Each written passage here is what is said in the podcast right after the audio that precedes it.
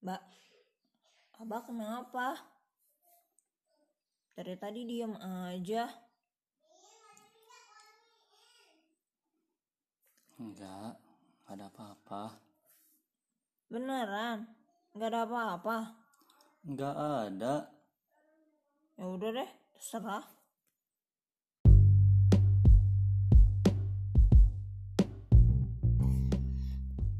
Hmm, Zah, Apa? Kita boleh marah gak sih? Iya boleh tapi asal tidak eh, Aduh, duh, duh, Zakira batuk. Assalamualaikum warahmatullahi wabarakatuh, Hai Bunda. Welcome happy parents. Kita kembali lagi nih di podcast Bambu ya. Tadi kita udah denger ya cuplikan Zah ketika dibilang kita boleh marah gak sih? boleh tapi asal Oke. sebentar aja. Oke. Nah, ayah bunda memperkenalkan emosi itu sangat baik loh ke anak. Anak yang diperkenalkan emosi sedari dini itu bisa menyampaikan dengan cepat apa yang beliau rasakan. So, memperkenalkan emosi dari dini sangat dianjurkan untuk ayah bunda. Nah, coba yuk kita baca buku kata siapa tidak boleh marah. Aku ma aku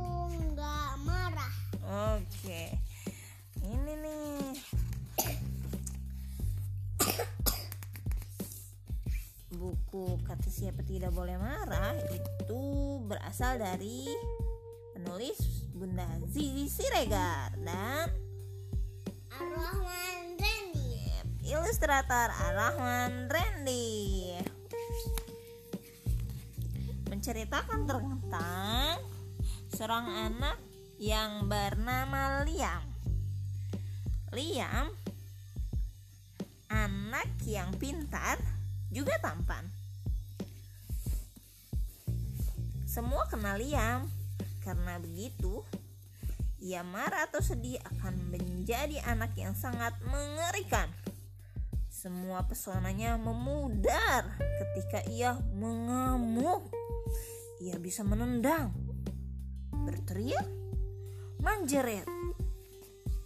Lalu ia bisa melempar-lempar barang, merusak mainan, serta ia bahkan menggigit kalau sedang ingin menggigit. Benar-benar Liam menjadi anak yang sangat mengerikan ketika ia marah.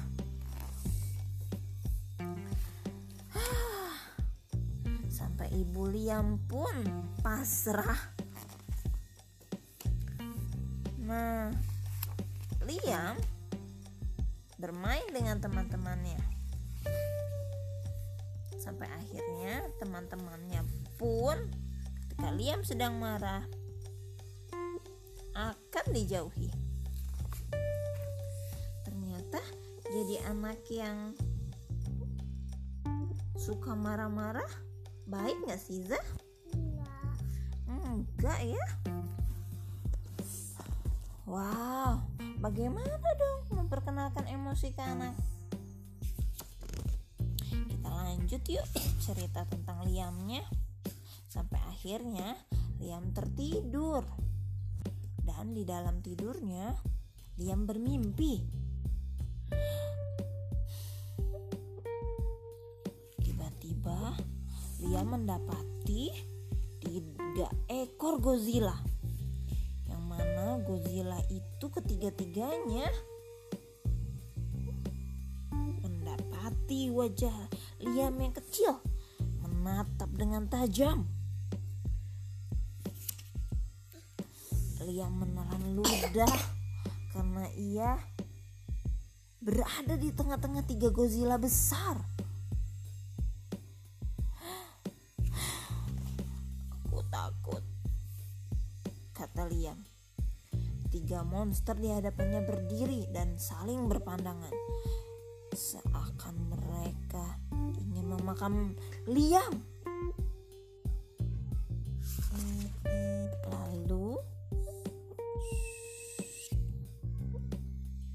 Jangan berbicara, Kata siapa? kata Godzilla. Kenapa jangan?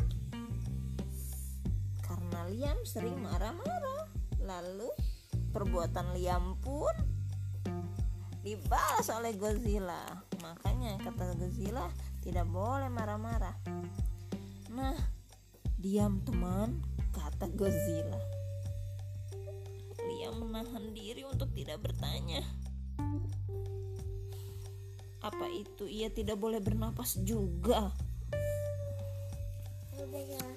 Kata Liam. Biarkan aku memakannya, kata Godzilla. Liam mengerut lalu ia tidak sengaja buang angin. Ups, maaf, gumamnya. Kentut.